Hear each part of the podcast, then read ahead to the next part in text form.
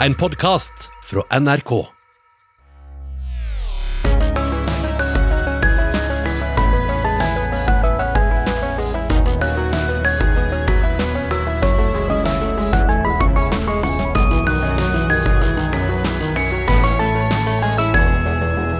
Han har reist Europa rundt og rapportert om grufulle scener fra italienske sykehus. Hun skulle gjerne ha reist til Italia, men måtte få svigerfarens gravferd overført via telefon etter at han døde av korona. NRK sin europakorrespondent Roger Severin Bruland og Rita Karin Nyland er dagens gjester i campingstolen.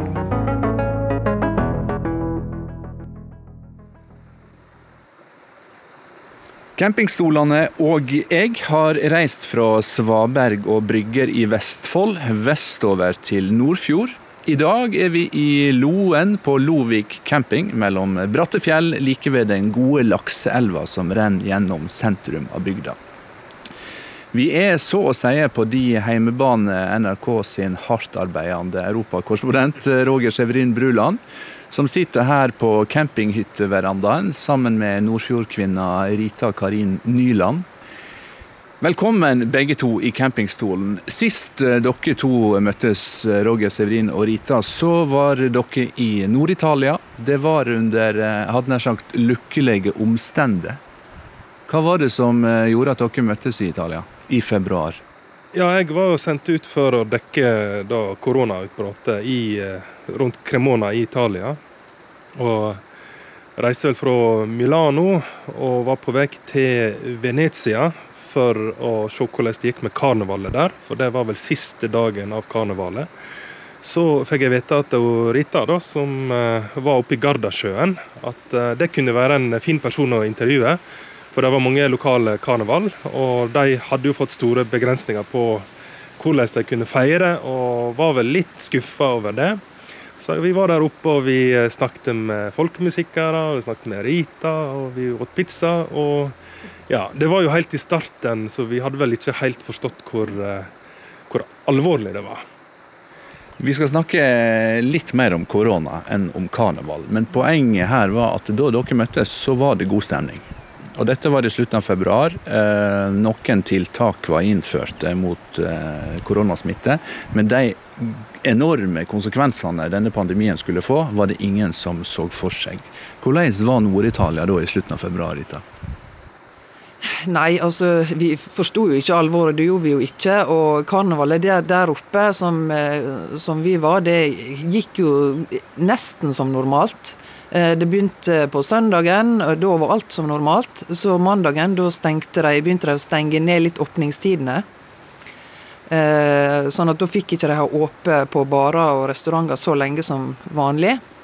Men det var jo egentlig der vi var da når jeg og du, Roger, møttes der nede. De hadde jo sperra av eh, Codogno og ei ti-elleve kommuner rundt den byen der de hadde det første utbruddet. Og det var jo 50 000 mennesker da, i karantene som ikke slapp ut derifra. Og jeg har vært på det sykehuset der det hele starta i etterkant, og snakka med han sjefslegen der. Og han fortalte da vi var i Gardasjøen, så kjempa de en desperat kamp. De hadde hatt en person som var smitta av korona flere uker inne på sykehuset, som hadde smitta hele sykehuset. Så alle doktorene og, og pasientene var smitta.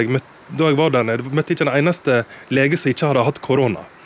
Så de var jo de største, og er de største ekspertene på behandling av korona den dag i dag. Et lite lokalt sykehus. Og det skjedde jo ting innenfor den ringen, men vi slapp jo ikke inn.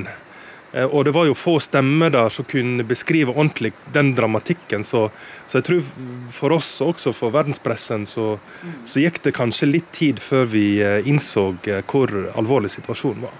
Roger, vi har sett rapportene dine fra flere europeiske land denne våren. Du har tatt deg over grenser og kjørt eh, sikkert eh, hundrevis, om ikke tusenvis av kilometer fra land til land for å bringe hjem historiene om et Europa i djup krise. Og nå har du ferie, nå er du hjemme i Nordfjord, og dette er litt på avstand. Hva er det nå du forstår har gjort mest inntrykk på deg? Det som har gjort inntrykk på meg, er vel egentlig det at Eh, ja, det har vel egentlig ikke gått opp for oss. For hele verden har vel vært i karantene på et eller annet tidspunkt. Så vi klarer vel ikke å ta inn over oss eh, hva da jeg har 1,5 milliard mennesker i karantene. Det er jo helt uh, vanvittig. Så hva er det vi har vært med på, hva er det vi er med på? For jeg frykter at dette her ikke er helt over enda. Det kan komme nye bølger når vi ser situasjonen f.eks. I, i Serbia, Spania, der det blusser opp igjen. Jeg tenker litt på informasjonsflyten da i Europa. For vi vet jo veldig godt hva som skjer borte i USA. Men eh, når vi dekker Europa, så tar det lang tid før informasjonen kommer mellom landene. Kanskje det har litt med at det, vi har, alle snakker ulike språk. Det er vanskelig å lese en avis. Plutselig skal du lese en kroatisk avis eller en italiensk avis. ikke sant? At En klarer ikke å formidle alvoret. Så Derfor var det veldig viktig for meg å reise ned til Monsa og, og være inn på den uh, Eh, intensivavdelinga formidle det som skjedde. For at da bringer du det alvoret hjem eh, som er der, som kanskje vi ikke opplever så godt i Norge. Ja, fordi den reportasjen som du viser til nå, da du sto inne på den intensivavdelinga i fullt smittevernutstyr, eh, den er kanskje et sånt komprimert bilde på koronakrisa i Europa. fordi da beskriver du nokså grafisk det du har sett der inne på den avdelingen. Om dødsangst og mennesker som ja, Du får bruke orda sjøl, men det er ganske grafisk. Eh, hvorfor valgte du å, å, være så tydelig på hvor forferdelig dette var? I Norge så var jo det konsensus om at dette her var bare en vanlig influensa. Og det råka veldig få, de sykeste og de eldste. Ja, greit nok, men eh, det er jo ingen vanlig influensa. Du kan bli brått dødssyk. Når jeg snakka med en lege nede i Cordonio på sykehuset der, så sa han at eh, vi har slutta mange ganger å ta denne her eh, testen, for det tar for lang tid. Vi må bare kjøre ultralyd på lungene med en gang for å finne ut uh, hvor alvorlig er situasjonen. ikke sant? For Du, du merker ikke sjøl at du, lungen ikke får luft, for eh, lungene puster ut CO2-en, men du får ikke inn luft. Og dagen etterpå så er de i respirator. Så, så det, er en, det, er en, dramatisk sykdom og ganske, ganske brutal og voldelig, sånn som legene i Italia forteller til meg det er en voldelig sykdom. Det er traumatisk eh, for de som opplever det, og ikke minst for pårørende. Fordi en, en, en får ikke besøke de som er dødssyke på sykehusene. Eh, I mange tilfeller får ikke en gå i gravferd. Så det blir jo et traume eh, for hele samfunnet. Og da kan en jo si de som da gambler på at ja, ja, dette her det er ikke så mange som dør, like mange som dør i en influensasesong, så, så vil jo det presse seg fram et krav om tiltak uansett. For det at hvis en bare lar dette her skure og gå, så, så blir det et, et, et, traume i hele samfunnet. Du hører på sommerserien To i campingstol på NRK P2. Vi er på heimebana til NRK sin europakorrespondent Roger Severin Bruland og italienskgifte Rita Karin Nyland. Rita, du og eh, mannen din Manuel, dere var altså på karneval eh, hos svigerforeldrene dine i Nord-Italia i slutten av februar. Mm. Så reiste dere hjem. Du gjorde deg klar for et nytt eh, skift offshore i Nordsjøen. Ja. Og så ringte telefonen. Ja. Hva melding fikk du da? Da fikk vi melding, det var vel ca. to uker etter vi var kommet hjem. Da ringte telefonen, ja, at min svigerfar var blitt sjuk. Eh, og var da fortsatt hjemme, men hadde veldig høy feber og var ikke i form. Eh, de visste jo ikke da om han var smitta av korona, men vi frykta jo det, selvfølgelig. Så eh, et par dager etterpå så ble han lagt inn på sykehus.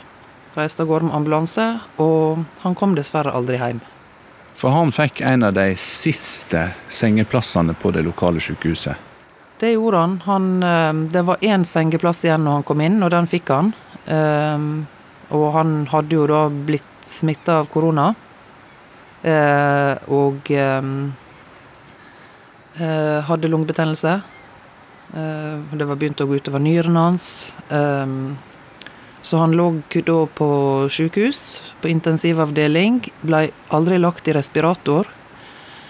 Og det har vi jo vel forstått at det var jo en, det, det var jo en situasjon der nede da som var så ekstrem at de måtte jo sannsynligvis velge ut hvem eh, som skulle få respiratorbehandling, og hvem som det ikke var plass til i respirator. Og så hørte du på han, fordi han ringte jo lenge hjem, så lenge han var i stand til det. Men så hørte du at han endra seg i, Ja. i stemma og det han fortalte. Hvordan tolka du det? Nei, vi tolka det jo sånn at eh, Altså, vi, vi forsto på måten han snakka på, at han sjøl ikke trodde at han kom ut igjen derifra. Eh, og det gikk jo selvfølgelig forferdelig inn på oss, men vi hadde jo håpet liksom hele veien om at det skulle snu, og at han skulle komme seg eh, igjen. og men eh, siste gangen jeg snakket med han, da var han så dårlig at da var det bare så vidt jeg forsto hva han sa, og han hadde så lite pust òg at han, var, en hørte at han kjempa for å klare å snakke i det hele tatt. da. Eh, og da var ikke det så veldig mange dagene etterpå før han da døde. Og han døde på sykehus eh, 5. april i år, 69 år gammel. Eh, ingen alder, egentlig. Nei. Hvordan var det for deg og mannen din, Manuel, å være her i Norge når svigerfar eh, lå for døden i eh, Italia? Nei, det var jo det, det er jo så surrealistisk, hele opplevelsen, at jeg tror kanskje ikke det helt kommer til å gå opp for oss før vi reiser ned igjen, før vi er der igjen. Men eh, ikke kunne vi reise ned, ikke fikk vi besøke. Eh, jeg, altså en gravferd som blir overført eh, via mobiltelefon, der det er bare et fåtall av de nærmeste som får delta, med stor avstand, eh, fullt smittevernsutstyr. Det Vi sitter vel egentlig igjen med en følelse av at vi har vært med på en film. Roger, du har kanskje òg følelsen av å ha vært med på film. Du har møtt eh, familier som eh, har eh, mista sine kjære uten at de fikk besøke dem, og du har sett gravferder nærmest utført etter samlebåndsprinsippet. Hvordan er det å stå og se på dette? Nei, jeg kjenner egentlig at det, det er bare fælt. Det, det er skikkelig vondt. En snakker jo om at eh, jeg har jo fått besøke disse fantastiske byene Firenze og Venezia og, og München og Dubrovnik og gå helt alene, som være eneste mann i hele i verden. Men du klarer jo rett og slett ikke å glede deg over det, og du klarer liksom ikke eh, ha noe særlig humor på det heller, for det, det, er, bare, det er bare ekkelt, rett og slett. Og kjenner bare at en blir sliten i hodet av å jobbe med det her over tid. For det, det er veldig, veldig mye trist. Og en blir sliten i kropp og sjel av, eh, av å jobbe med dette her. Og, og en må bare ta seg pause for det at eh, det, det blir for mye av og til. Og ikke sitte og, og se seg blind på alle statistikker og alle nyheter. For det, det har vært mye dårlige nyheter nå i vår. altså. Det har det. Men så eh, kan det jo virke sånn for oss her hjemme at eh, det verste er over, og at det trass alt gikk eh, ganske bra for oss i Norge. Men mange steder i verden vet vi, så stiger smittetallene kraftig på et nivå som en eh, opplevde bl.a. i Italia. Og så vet jeg, Rita, at det er en tanke du ikke får ut av hodet ditt. Fordi svigerforeldrene dine de var, ble begge smitta, og de var to av veldig få koronasmitta i den vesle landsbyen de bodde. Så da er spørsmålet hvem brakte smitten i hus? Ja. Hva har du tenkt? Nei, altså Dette er jo noe vi har snakka om. Selvfølgelig har vi det. Kan det være vi, liksom? For vi var jo med på karnevalet, men det var jo de òg. Eh, ikke sant? Eh, vi kom jo ifra flyplassen i, eh, i Milano. Eh, kan vi ha fått med oss noe på veien? Så det er jo klart at vi har jo vi har jo tenkt den tanken. Kan det være vi som faktisk eh, fikk det i hus? Vi ble jo ikke syke. Jeg hadde noe halsvondt en par dager der nede, så jeg var til legen min med en gang vi kom hjem, og ble sjekka. Eh, og den testen kom tilbake negativ. Men så, sant, så får du høre så mye om at ja, men det kan gå veker før den er positiv, og du kan ha det likevel. og Noen er helt symptomfri, og jeg ble jo aldri noe sjuk, og min mann var aldri sjuk. Eh, men det er jo klart, du, du, du kan jo aldri være helt sikker, sant? Vi, vi veit jo ikke. Dere kan ikke utelukke at Nei. det var dere som egentlig eh, førte til at din svigerfar døde av korona. Nei, vi kan jo ikke det, for vi aner jo ikke hvor det, hvor det kom i hus. Det kan ikke være en spesielt god tanke å ha surrende i hodet. Nei, det er klart at eh, det er det jo selvfølgelig ikke. Eh, samtidig så er det jo på en måte noe vi aldri kommer til å få svar på. Og det gikk som det gikk, og vi får ikke gjort noen ting. Eh, sånn at en på en måte En kan ikke holde på å plage livet av seg sjøl liksom, med å gå og tenke på det heller. da. Så en må jo til slutt må en bare slippe det og tenke at OK, gale har skjedd. Og hvor det kom ifra og hvem, det får vi nok aldri vite. Da smitten steg til værs i Italia, så var det enkelte som eh, forklarte den voldsomme øken med La Familia. Den eh, italienske familieformen, de store måltidene, den fysiske væremåten, det tette livet en lever. Støtter du den teorien? At det spredde seg så fort som det gjorde der nede, så eh, kan jeg vel helt klart se det, ja.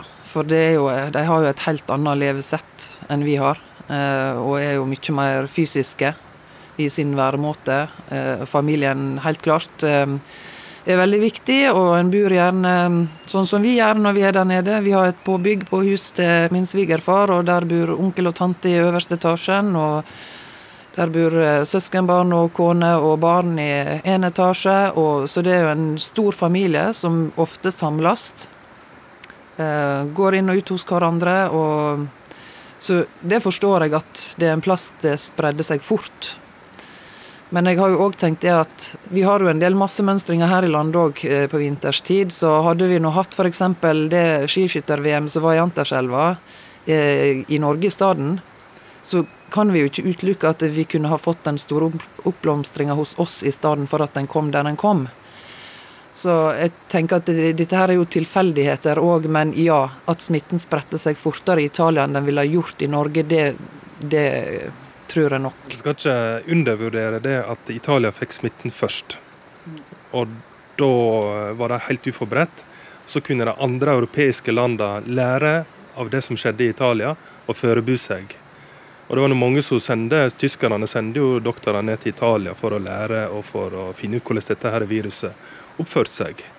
Eh, Men så på den andre sida, så igjen han fotografen min, eh, etter vi hadde vært i Milano inn på intensivavdelinga, så reiste han for å bo i karantene hos en kompis i Milano, for han har gamle foreldre og en kjæreste som har underliggende eh, ting, slik at han ikke ville være i lag med dem de neste 14 dagene.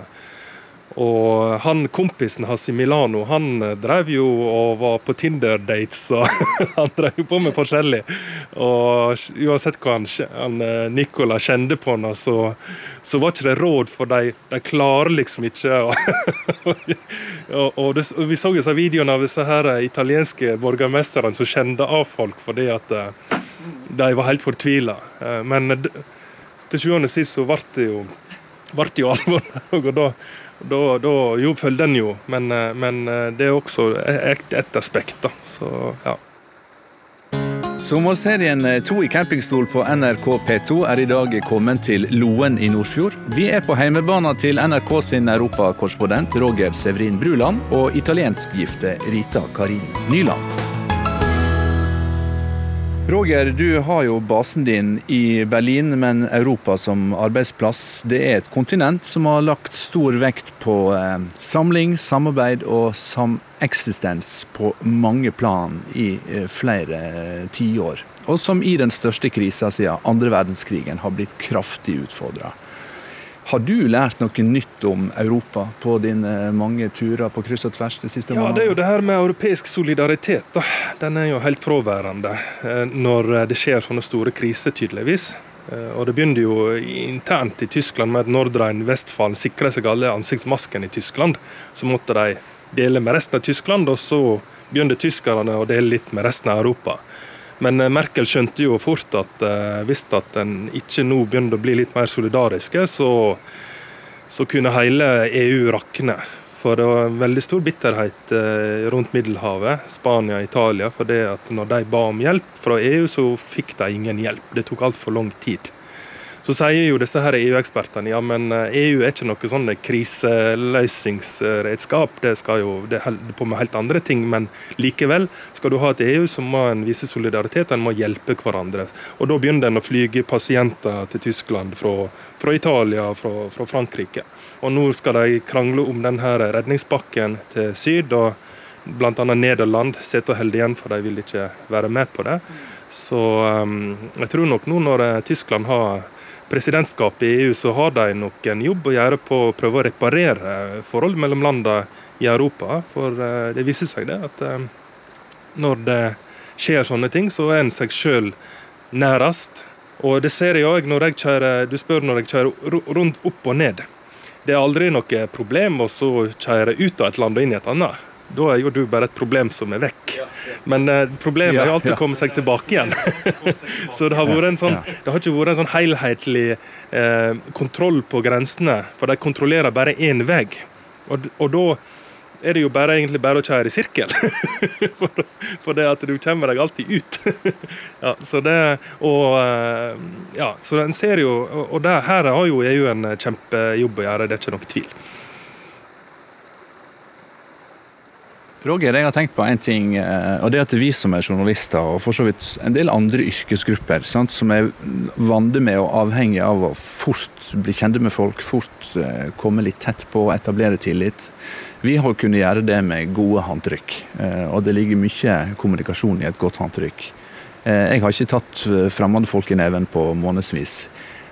Føler du litt sånn på at du har mista en slags et slags verktøy i verktøykassa? Nå har jeg vært mange ganger på sykehus, både i Serbia og Italia, med maske og visir og full eh, vernedrakt og, og høgskafta gummistøvler. Og det er jo greit, det skaper jo en avstand, eh, men eh, jeg har jo opplevd egentlig i praksis så er det jo litt sånn icebreaker. hva slags raring det er det som kommer her. og er? Altså, de, de, begynner egentlig bare å le. De, men vi har jo vært veldig forsiktige når vi har vært ute på tur. Og, og kanskje noen vil si overforsiktige, men uh, Så det har for så vidt uh, gått bra. For uansett uh, om en tar folk i hånda eller ikke, så må en jo sette seg ned og prate med dem. Og, og da går det seg til. Jeg vil si at Italia er et veldig lett land å jobbe i som journalist. Folk er lette å komme i kontakt med. De, de, de er jo sosiale, og, og det, har vært, det har vært, veldig, veldig bra. Jeg kan jo si Da jeg var i Firenze for første gang, det var jo da han, den første norske smitta. Han var lagt inn på et sykehus i Firenze. Og Da var det nesten utenkelig å komme seg inn på et sykehus, og eh, det her PR-avdelinga var helt fraværende. De, de, ville ikke ha noe Eller det, det, var ikke vanlig å snakke med journalister. Når denne krisa ble skikkelig alvorlig, og de, de, følte de måtte bare formidle hvor alvorlig det var, så ble alt så mye lettere. For at de, de ville fortelle hvordan det var. De måtte fortelle verden at vi trenger hjelp, dette er alvorlig, dette her kan ramme andre land i Europa. Så det det har vært eh, en endring der. Det har vært prosesser hele veien. Og så fikk jeg jo veldig god hjelp med han eh, Mats Gilbert, da, eh, som har en god venn i Milano, som er psykiater og driver behandling av helsepersonell som har traume. Det har vært en del selvmord blant helsepersonell i Italia. Noen som har testa positivt og bare rett og slett ikke takla det. Og han har jo også vært hjelpsomheten sjøl for å komme inn i det systemet der, slik at NRK kan bli behandla på samme måte som BBC. Eh, og det har vært veldig bra. Nå skal vi eh, ikke snakke mer om smittevern, vi skal tvert imot snakke om sommerro. Når sommeren kjem, da blir det fint det fjell.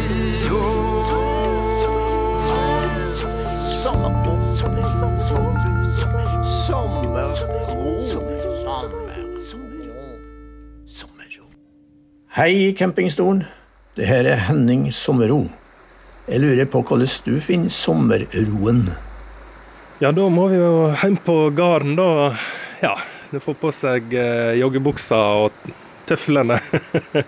Så er det bare å være vanlig bygdis noen uker. Det er helt topp. Fra europeiske storbyer til landsbygda i Nordfjord. Får du ut hva skal jeg si, slagget fra alt du har sett og opplevd i det siste?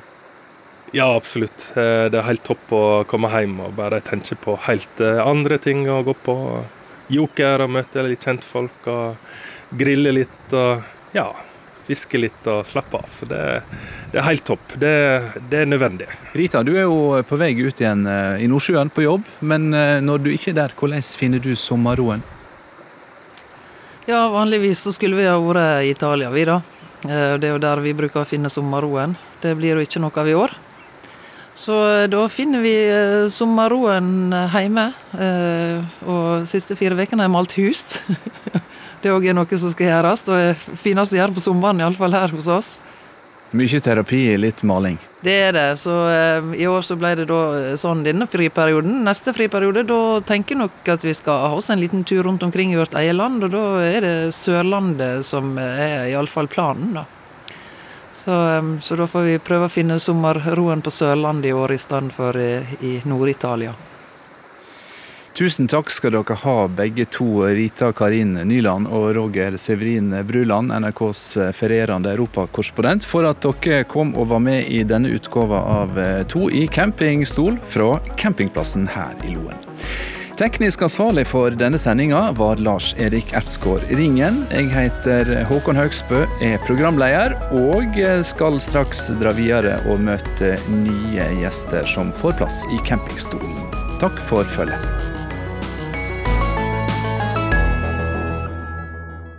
Du har hørt en podkast fra NRK.